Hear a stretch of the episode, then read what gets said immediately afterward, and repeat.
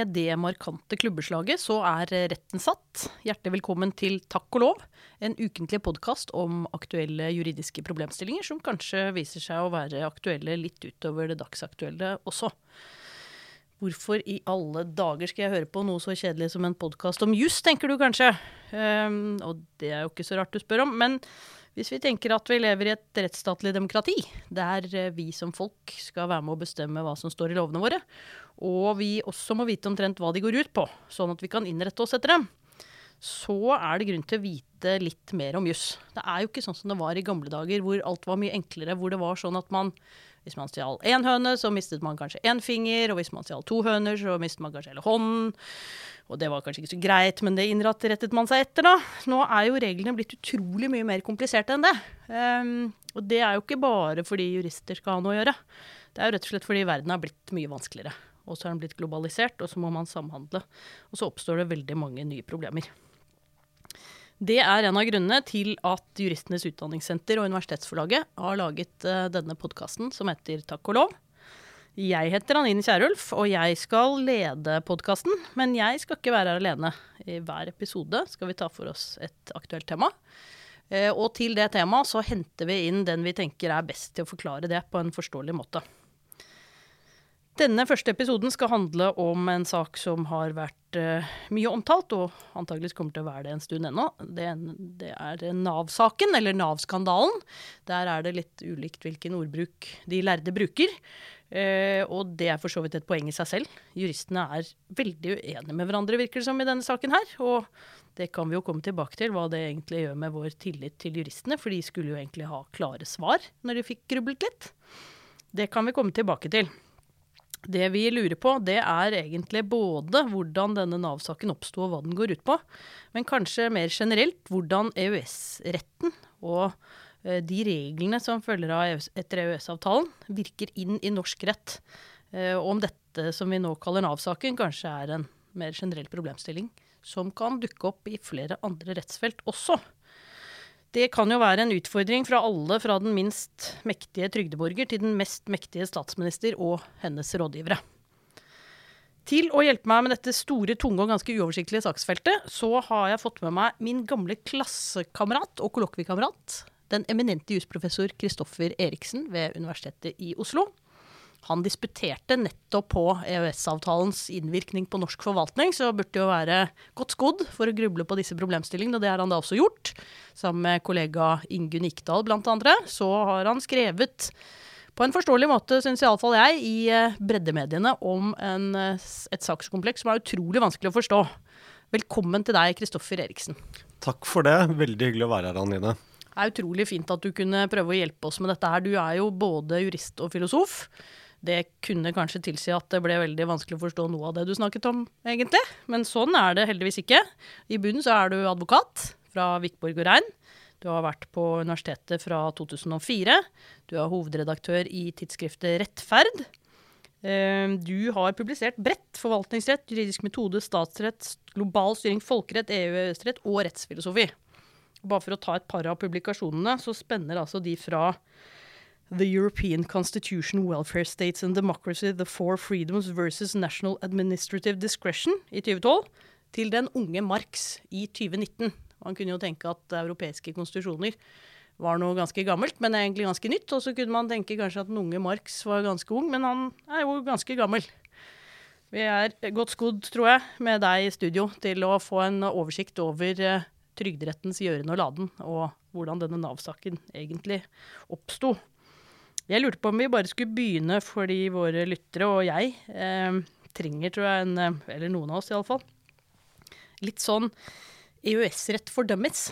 Kan du bare gi oss et kort sånn riss av et bakteppe, hvis det er mulig, så komplisert spørsmål om hvordan denne EØS-retten virker inn i norsk rett? Ja, det er jo en tall order. Men uh, det jeg kan si, det er jo en, uh, veldig kort om hva EØS er. For det kan det jo noen ganger være greit å bare minne oss selv om. Ja. Og det er altså den mest EØS-avtalen er den mest omfattende folkerettslige avtalen som Norge har inngått noensinne. Og formålet med avtalen det også kan være greit å minne om, og det er, var å sørge for at norske selskaper og norske borgere skulle få tilgang til EUs indre marked.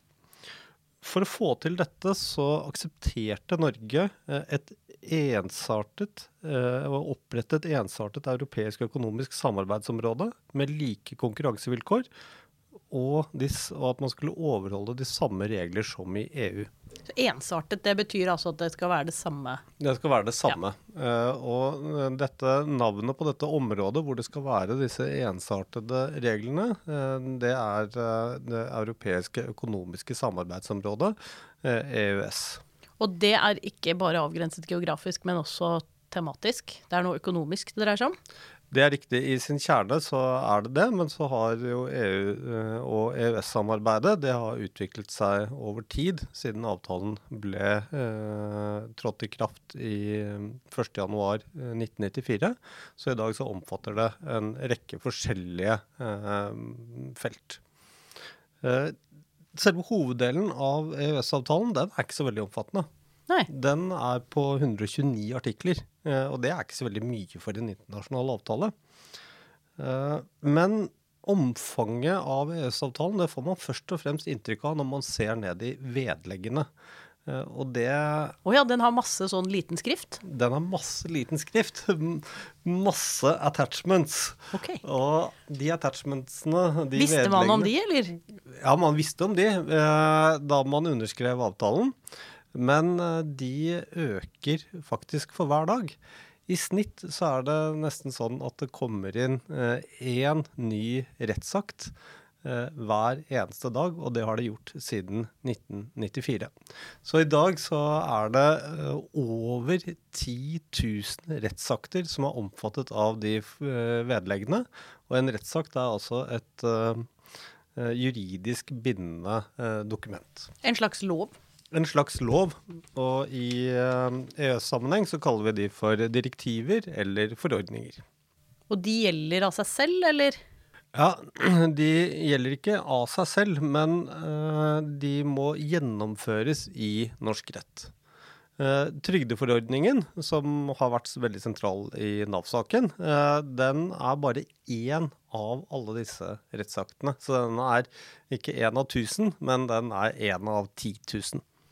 Nettopp. Ok, så du, uh, dette kommer egentlig inn i norsk rett uh, på en litt annen måte enn noen av de andre internasjonale avtalene våre. Som uh, ja, Et nærliggende eksempel er jo Den europeiske menneskerettighetskonvensjonen, som ble inkorporert i 1999, også gitt forrang for norsk rett. Så den virker jo inn i norsk rett på litt samme måte som EØS-retten. Men da er det i grunnen bare den avtalen, den konvensjonen, og så er det de dommene som blir avsagt etter den. Og så er det noen tilleggsprotokoller, men de er det ikke så mange av. Altså, og, og, systemet der, det er jo at uh, den bare fins, og så kan borgerne påberope seg den, og så kan domstolene si hva den betyr. Men alt er egentlig overlatt til borgere og domstoler. Mens her sånn, så er det Stortinget da som gjennomfører ja, du kan si at det er to andre uh, elementer som kommer i tillegg til den modellen som vi kjenner fra EMK. Og, og det er at uh, det kommer inn uh, nye rettsakter, altså ny lovgivning, omtrent hver dag. Mm. I EØS-avtalens vedlegg. Og så må regjering og storting sørge for å gjennomføre disse vedleggene i norsk rett. Det er det ene. Andre, den andre forskjellen eh, fra eh, det som vi kjenner fra Den europeiske menneskerettighetskonvensjonen, det er at det i EØS-avtalen er et eget tilsynsorgan som skal sørge for at eh, Norge og de andre statene oppfyller sine forpliktelser etter avtalen. Og de kan også bringe Norge til, uh, ta Norge til EFTA-domstolen hvis man mener at Norge ikke har fulgt avtalen. Så man er ikke avhengig av at individer uh, bringer uh, Norge inn for en domstol, men dette tilsynsorganet, ESA, kan også gjøre det. Ja, nettopp. Så der er det en forskjell. Og det som gjør at det ligner kanskje litt mer på norsk lovgivning enn den type domstolsutviklet rett som er etter menneskerettighetskonvensjonen, det er at disse rettsaktene de går egentlig både via noen departementer og via Stortinget før de flyr ut i verden og blir til norsk rett. Ja, de, de, de, rettsaktene de eh, behandles jo først av regjeringen. Og hvis det er nødvendig eh, med Stortingets samtykke, så blir de forelagt for Stortinget. Ja, Og det bringer oss jo over på denne Nav-saken. Hva er det som er Når dette forordningen, eh, trygdeforordningen, når, når er den fra, og har det vært noen endringer, og hvordan har vi egentlig havnet der hvor vi er nå, i den grad vi har noe klar fornemmelse av hvor vi er nå. Det virker som det er ganske mye uenighet egentlig om hvor vi er, til og med. Ja, og denne saken her, den rommer så mange detaljer, og det har vært så mange overraskende vendinger i denne saken fra den ble offentlig kjent i slutten av oktober i, i 2019. Så det å gå inn i alle disse detaljene, det tror jeg ikke noen egentlig vil være interessert i akkurat nå. Det blir veldig lang podkast. Det blir fryktelig lang sending. Men eh, noen av de ytre rammene er temmelig klare. Og mm, i sin kjerne så handler saken om eh, retten til å ta med visse trygdeytelser eh, til andre EØS-land. Hva er en trygdeytelse? En trygdeytelse kan f.eks. være sykepenger. Ja. Det kan være eh, det som heter arbeidsavklaringspenger eh, eller eh, pleiepenger. Nettopp. Og Og det kan og man ta med seg, eller? Ja, og spørsmålet er jo om man kan ta med seg det til eh, andre EØS-land, f.eks. Sverige, Finland, Spania, eh, eller ikke. Og i Norge så har vi hatt folketrygdloven som sier at det er et vilkår for å få f.eks. sykepenger at du oppholder deg i Norge. Eh, og sånn sett så eh, burde saken være klar.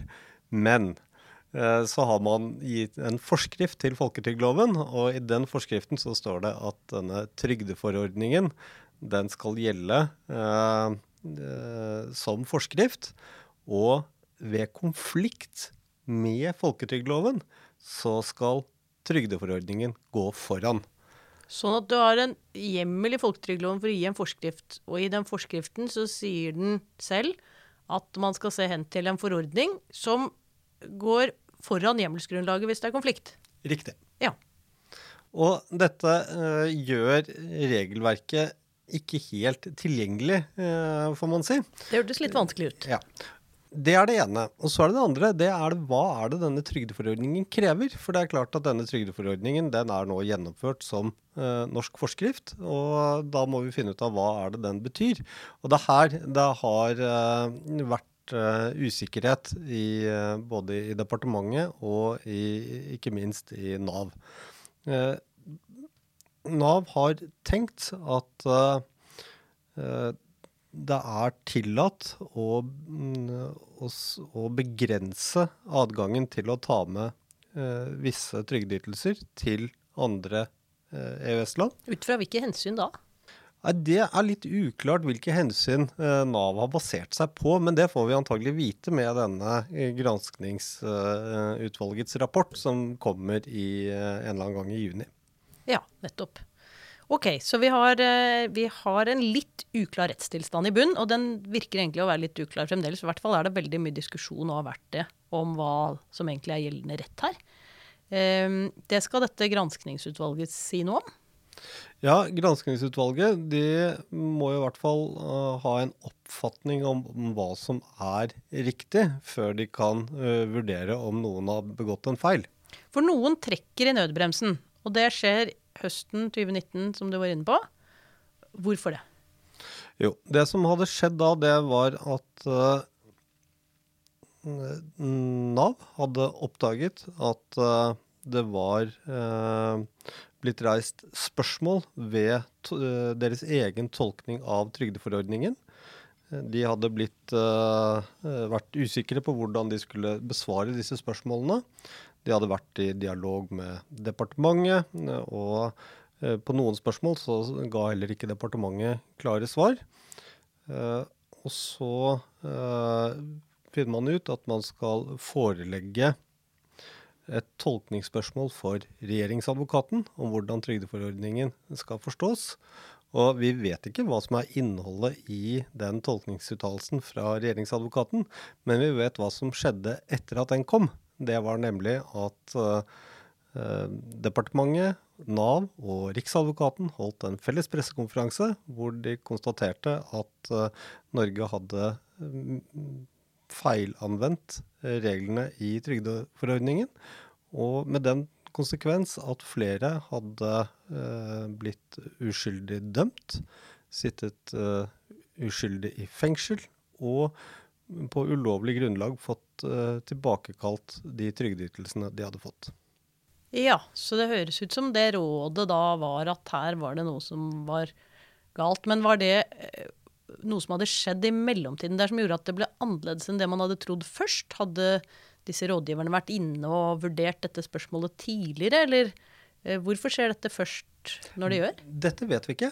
det er Regjeringen eh, har ikke sagt noe om sin tidligere kontakt med eh, regjeringsadvokaten. Eh, men, så det vi vet, det er at regjeringsadvokaten ble spurt om å avgi en såkalt tolkningsuttalelse en eller annen gang i høsten 2019, og at den kom, og at etter det så snudde man det som hadde da vært norsk praksis. Med den konsekvens at man konstaterte feil, og at man også da la om praksis, slik at det ble tillatt å ta med seg disse trygdeytelsene til andre EØS-land. Ja, for det, dette høres ut som noe som Stortinget også har vært interessert i. Fordi parallelt med dette granskningsutvalget som skal prøve å finne ut hva som skjedde, og, og ha en formening om hvordan jussen er og har vært, Eh, så har jo Stortinget vært interessert i dette. Det er jo nærliggende, det. Når eh, regjeringen gjør noe man tror har vært galt på en eller annen måte, så skal Stortinget kontrollere regjeringen. Det er jo en av Stortingets funksjoner. Og da innkaller de til høringer, og da stiller de bl.a. spørsmål om dette. Har de ikke gjort det? Jo, og Bakgrunnen for at eh, Stortinget gjorde dette, var at uh, umiddelbart etter at uh, denne mm, trygdeskandalen, eller Nav-skandalen, eller Nav-saken uh, ble kjent, var at uh, daværende arbeids- og sosialminister Anniken Hauglie ba Stortinget om å få komme til Stortinget om å redegjøre for saken. For feilimplementeringen av trygdeforordningen. Og hun kom til Stortinget, holdt en redegjørelse og basert på den redegjørelsen så fant kontroll- og konstitusjonskomiteen på Stortinget ut at uh, her uh, var det grunn til å gjennomføre en grundigere kontroll med regjeringen, og de opprettet da en kontrollsak. Og I den kontrollsaken så har de spurt etter en rekke forskjellige dokumenter hos regjeringen. Og de har også gjennomført en rekke høringer. Har de fått svar på spørsmålene sine? Mange eh, spørsmål har de fått svar på. Men noen spørsmål, eh, det har eh, regjeringen ikke ønsket å svare på. Og det har egentlig vært ganske interessant, reist noen interessante prinsipielle spørsmål. For det er jo spørsmålet da om er det sånn at Stortinget kan kreve all den informasjonen den ønsker fra regjeringen? Eller kan eh, regjeringen nekte å utlevere den informasjonen de har, til Stortinget etter sitt eget ønske? Dette høres ut som statsrettspensum på en måte i RL, in real life, som utspiller seg på en måte som gjør at studentene må jo hoppe rundt seg av lykke for å få eh, illustrert hvordan disse egentlig ganske tørre problemstillingene som bare fins litt bortgjemt i de teoretiske lærebøkene, har vært diskutert frem til nå. Nå plutselig diskuteres de i praksis. Hva konkret er det Stortinget har spurt om som de ikke har fått innsyn i? Helt konkret så er, det, eh, så er, det, dokumenter i forbindelse med et møte mellom eh, departementet og Nav i oktober 2019 som eh, Stortinget har ønsket å få innsyn i. Og det er regjeringsadvokatens tolkningsuttalelse som synes å være en veldig viktig del av bakgrunnen for at regjeringen har ment at de tidligere har tatt feil. Hva er argumentene for og mot å holdt på å si, holde tilbake disse dokumentene? Ja, altså uh, Før vi går videre, så må jeg bare presisere én ting. Og det er jo at uh, det er kontroll- og, kontroll og, konstitusjonskomiteen på Stortinget som har bedt om innsyn i, i disse dokumentene.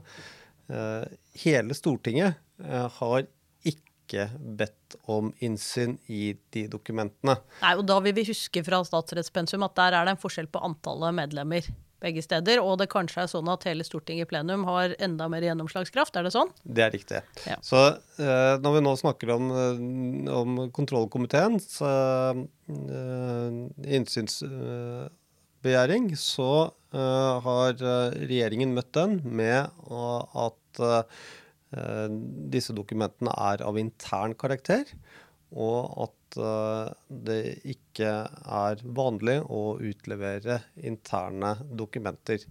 Når det gjelder innsyn i regjeringsadvokatens vurderinger, så har regjeringen eh, sagt at eh, det ikke har blitt gjort tidligere, og de vil heller ikke gjøre det. Så det er henvisning til tradisjon og hva som er vanlig? Riktig. Ja. Um, nettopp. Uh, men hvordan blir det da, de rådene som regjeringen forholder seg til? Uh, det hadde jo vært fint for oss å få vite om dem, eller? Det skulle man jo tro, eh, at offentligheten ville ha interesse av det. Særlig når vi så langt vi vet i, i saken, så at den tolkningsuttalelsen fra regjeringsadvokaten har vært en avgjørende grunn til at man faktisk har erkjent en skandale. Det er det ene. Det andre det er jo at det ville vært interessant for å vurdere statsrådens og regjeringens ansvar å vite om de hadde tatt kontakt med sin eh, nærmeste juridiske rådgiver eh, ved tidligere anledninger, eller om de ikke hadde tatt slik kontakt. Hvis de hadde tatt kontakt og fått råd om at eh, det man hadde gjort, var eh, greit, ja da er det ikke så mye å kritisere regjeringen for. Eh, regjeringen er jo selvfølgelig ansvarlig for de feilene den gjør uansett, men, men, da har de i hvert fall forsøkt å gjøre noe. Hvis det er sånn at regjeringen og den ansvarlige statsråden ikke har spurt sine juridiske rådgivere uh, om uh, de har praktisert trygdeforordningen på riktig måte, selv etter at det har blitt reist spørsmål, ja da, da er det grunnlag for skarpere kritikk. Men den aller skarpeste kritikken, den uh, måtte jo komme hvis det er sånn at regjeringen har spurt sine nærmeste rådgivere om de har praktisert trygdereglene riktig, og fått svar at de ikke gjør det, og, så, og likevel fortsatt, ja. da hadde det vært uh, stor grunn til å reise alvorlig kritikk mot regjeringen. Men, men, hva slags type kritikk regjeringen skal møtes med, det, vi, det, det, det, blir veldig vanskelig å svare på når vi ikke vet hva slags kontakt kontakt de har hatt med sine nærmeste juridiske rådgivere. Så litt vanskelig rett og slett å utøve parlamentarisme i en sånn situasjon, da, fordi man ikke har innsyn i dette beslutningsgrunnlaget. Skal man ha tillit, eller skal man ikke ha tillit? Se det ja. vet man ikke helt. Nei. Fordi vi ikke har innsyn i disse rådene. Ja. Men hva skjer videre nå, da? Ja, Det som skjer videre nå, det er jo at det er eh, en, eh, en regjeringens egen granskingskommisjon eh, som skal levere en rapport i juni. Ja, og, og Hva er det den er bedt om å vurdere der? Det, der har det vært litt uenighet om hvem som skulle være der. og, og noen har gått ut fordi de har søkt stilling i Høyesterett. Men, men, de nedkommer da med et, et produkt som skal si noe om hva da?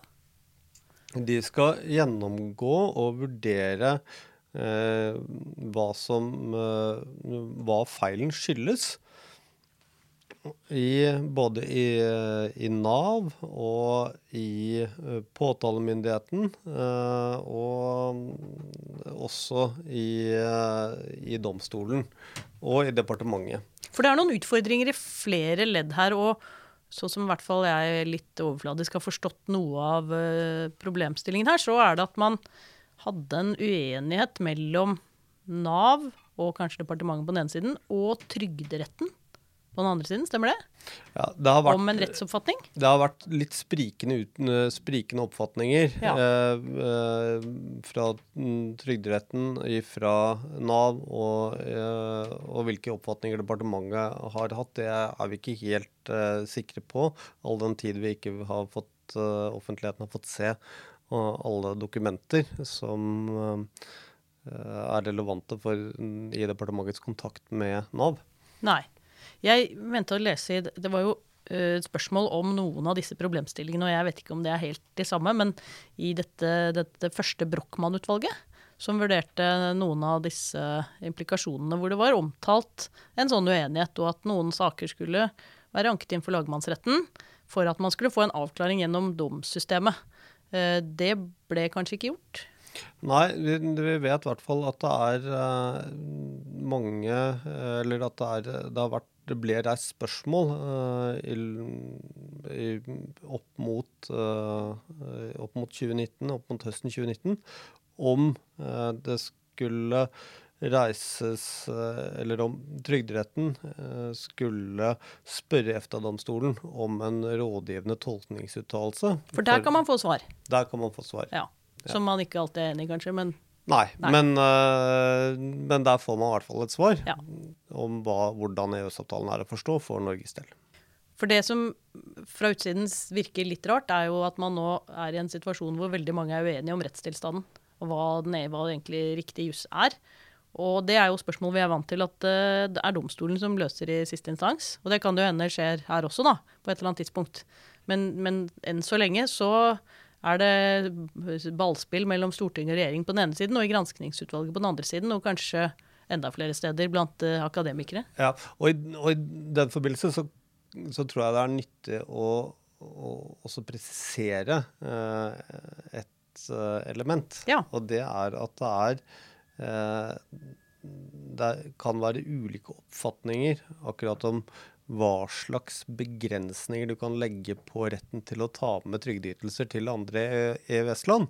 Så hvis man skal ha begrensninger på den adgangen til å ta med disse trygdeytelsene, så uh, reiser det uh, noen vanskelige juridiske spørsmål. Men det som er helt klart, det er at det er fullt ut i samsvar med EØS-avtalen å tillate folk å ta med trygdeytelsene til andre EØS-land. Så uh, muligheten for å unngå noen ytterligere konflikter her, den fins. Og den er alle enige om, og det er rett og slett å uh, tillate at man tar med trygdeytelsene til andre EØS-land. For da har du fri flyt? Da har du fri flyt. Som er utgangspunktet, som man kan uh, bes beskranke eller begrense ved, på gitte vilkår, hvis det er nødvendig og forholdsmessig. Men da må man gi gode begrunnelser hvorfor det er sånn. Ja. ja. Og det er heller ikke uh, sikkert at alle begrunnelsene nødvendigvis vil stå seg, for det må også da leses opp mot både trygdeforordningen og andre EØS-rettslige regler. Men så når, folk sier, eller når man sier da at det er så mange ulike oppfatninger om dette spørsmålet. Nja eh, Det er i hvert fall én som er ubestridt. Det er én oppfatning som er helt ubestridt, og ja. det er at du kan løse dette på en veldig enkel måte. Og så, eh, hvis man skal ha et opplegg med, med, begrensninger, så må man forsøke å eh, bygge de begrensningene på så holdbar juss som mulig, og søke avklaring eh, der hvor det er tvil. Og det er jo det som vi kanskje sitter igjen med inntrykk av i denne saken her, da. At her er det jo egentlig jurister på alle kanter hos regjeringsadvokaten, og i departementet, og i domstolen, og i påtalemyndigheten, og på fakultetene. Eh, som har ulike oppfatninger av hva som skal til for å lage disse begrensningene. Eh, holdt jeg på å si, Både på generelt grunnlag, men også spesielt i denne saken.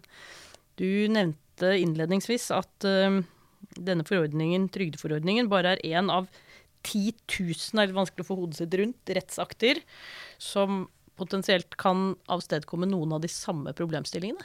Det eh, blir litt, Da eksploderer hodet mitt litt innenfra, kjenner jeg.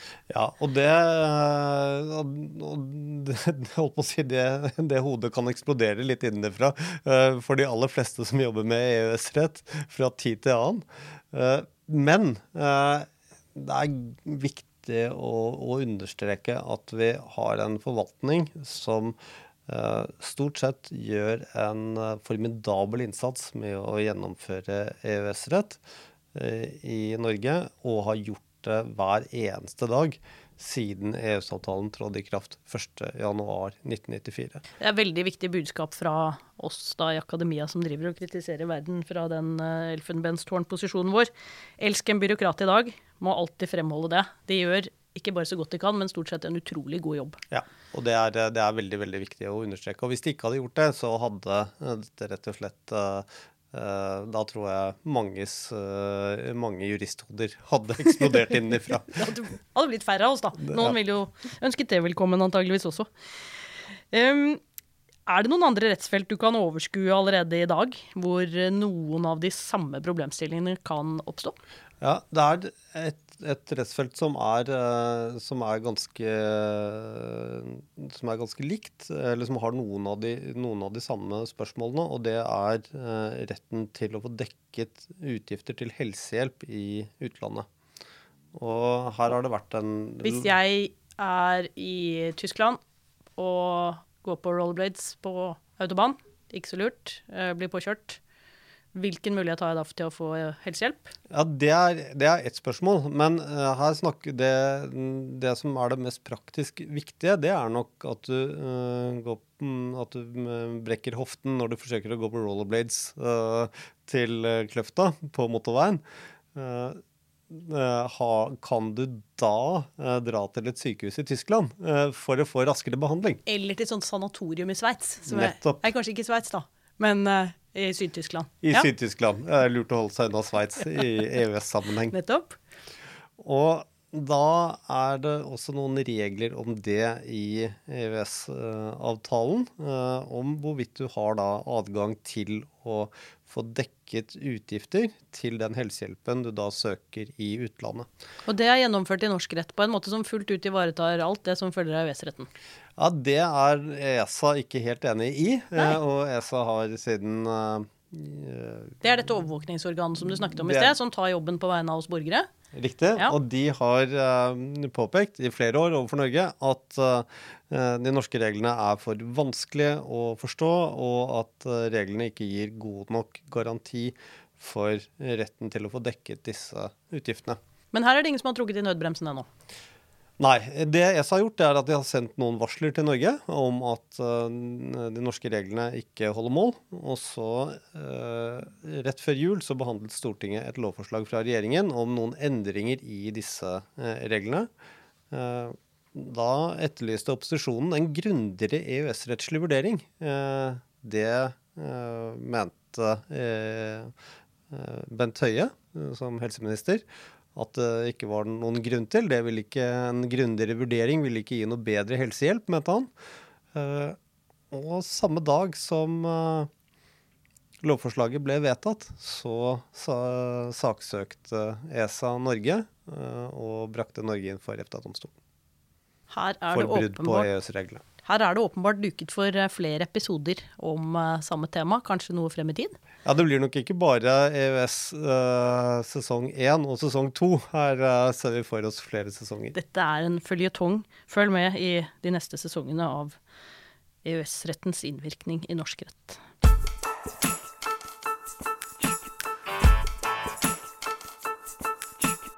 Hei, takk og lov, lytter.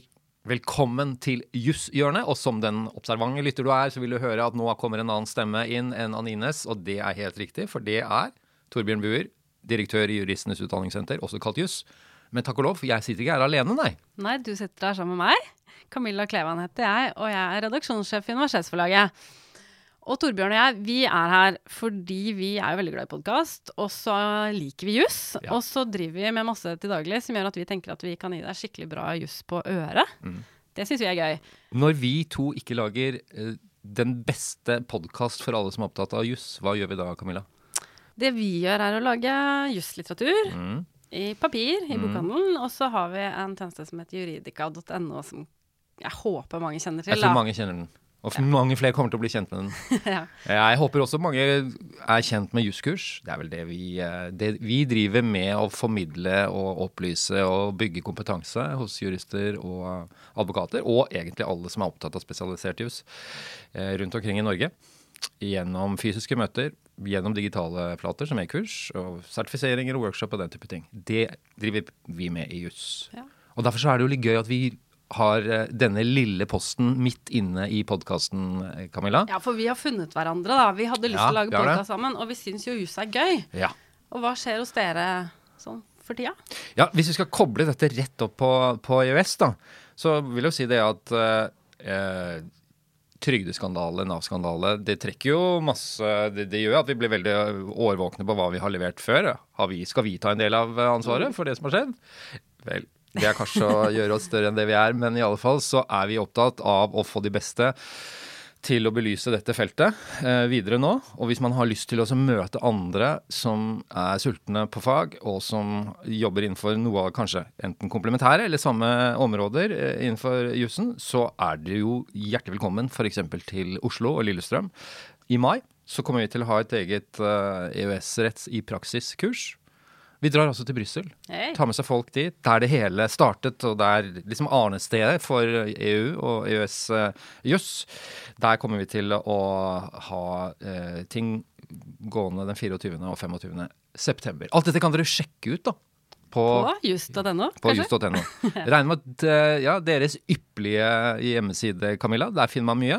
På Juridika finner man jo alt det som universitetsforlaget har av juslitteratur, og det er jo det er masse. Og på dette området her så er det jo gøy at Kristoffer Eriksen selv da, har skrevet en bok som heter Norges europeiske forvaltningsrett, sammen med Halvard Haikeland Fredriksen. Mm.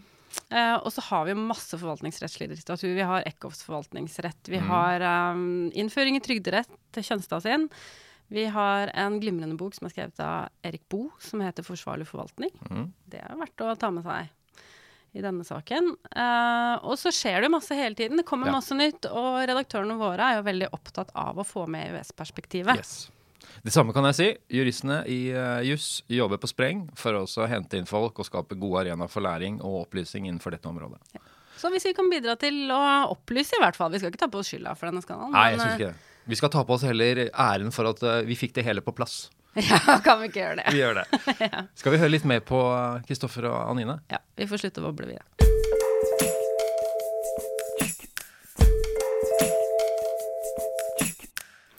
Tusen takk, Kristoffer. Eh, Jeg er fremdeles eh, litt overveldet, men jeg har eh, fått ting mye klarere for meg, og det er jeg veldig glad for. Vi pleier å invitere eh, dere lærde gjester til å dele en liten historie. Vi har en liten spalte i denne podkasten som heter Har du hørt? Eh, og det er jo den reaksjonen jeg da kan få, kanskje, hvis du forteller meg eh, en liten historie fra virkeligheten som eh, er oppsiktsvekkende, eller på andre måter har berørt deg. Hva er det du mener at jeg bør ha hørt fra dine juridiske opplevelser? Ja, fra min opplevelse som, min opplevelse så- som jurist, så det er noe av det som har gjort sterkest inntrykk på meg, som eh, når jeg har eh, jobbet som, som jurist og som advokat, det var et av de første oppdragene jeg hadde som advokatfullmektig. Ja, det er fint. Det er sånn de helt formative årene i ens Det- liv. Ja, det er helt hva riktig. skjedde? Og da var jeg veldig nysgjerrig på uh, En av grunnene til at jeg faktisk begynte som forretningsadvokat, var at jeg lurte på uh, hvordan folk drev forretninger. Ja, nettopp. Hva er egentlig en forretning? Hva er en forretning? Ja, er det Men, kolonial? ja, enda mer så lurte jeg på uh, hva disse store multinasjonale selskapene var for noe. Ja, det lurer jeg egentlig litt på ennå. Ja, det, Og så hadde det seg sånn at da det, et av de første oppdragene så fikk jeg oppdrag å dokumentere hva eh, et sånt stort eh, hovedkvarter i et multinasjonalt selskap faktisk gjorde. Eh, advokatfullmektig Eriksen, kunne de tenke dem å dra til land X? Hvor var det du skulle hen? Det var til England. Ja, eh, og oppsøk multi, et multinasjonalt selskap. Nå skal du få lære hva de gjør. Nettopp. Var det sånn? Ja, Og så skulle jeg skrive rapport. Og jeg var der i eh, en kort uke. eh, ble fulgt rundt av eh, en, av en følger. Et, en multinasjonal følger? En multinasjonal følger. Men ellers så kunne jeg spørre og grave om alt jeg ville, og det gjorde jeg også. Og og rundt i alle avdelinger. Rundt i alle avdelinger. Fra Fra, vask til til sjefskontor. regnskap, til sjefskontor, til eh, ja, you name it. Det var, eh, men det var, en, eh, det var rett og slett en helt fantastisk opplevelse å se dette multinasjonale selskapet helt fra innsiden. Og uten å røpe for mye, så må jeg si at jeg Eh, da jeg kom, så tenkte jeg at ja, kanskje disse multinasjonale selskapene de er, litt, de er litt skumle, og noen vil jo ofte ha det til at de skal være litt onde. Ja. Men etter at jeg dro derfra, så var jeg egentlig litt i stuss på hvordan de i det hele tatt fikk gjort noe som helst. Det var en utrolig fin eh, historie, Kristoffer. De som ikke allerede var overbevist om at vi jurister er nerder, de vil eh, ha blitt det nå. Eh, det er jeg veldig glad for. Tusen takk for at du bidro her i dag. Vi er i ferd med å sette strek for denne episoden, og takk og lov for det, vil noen si. Forhåpentligvis ikke alle. Tusen takk til deg, Kristoffer. De som ikke ble helt skremt bort av å lære litt mer om juss, de kan følge med i neste episode.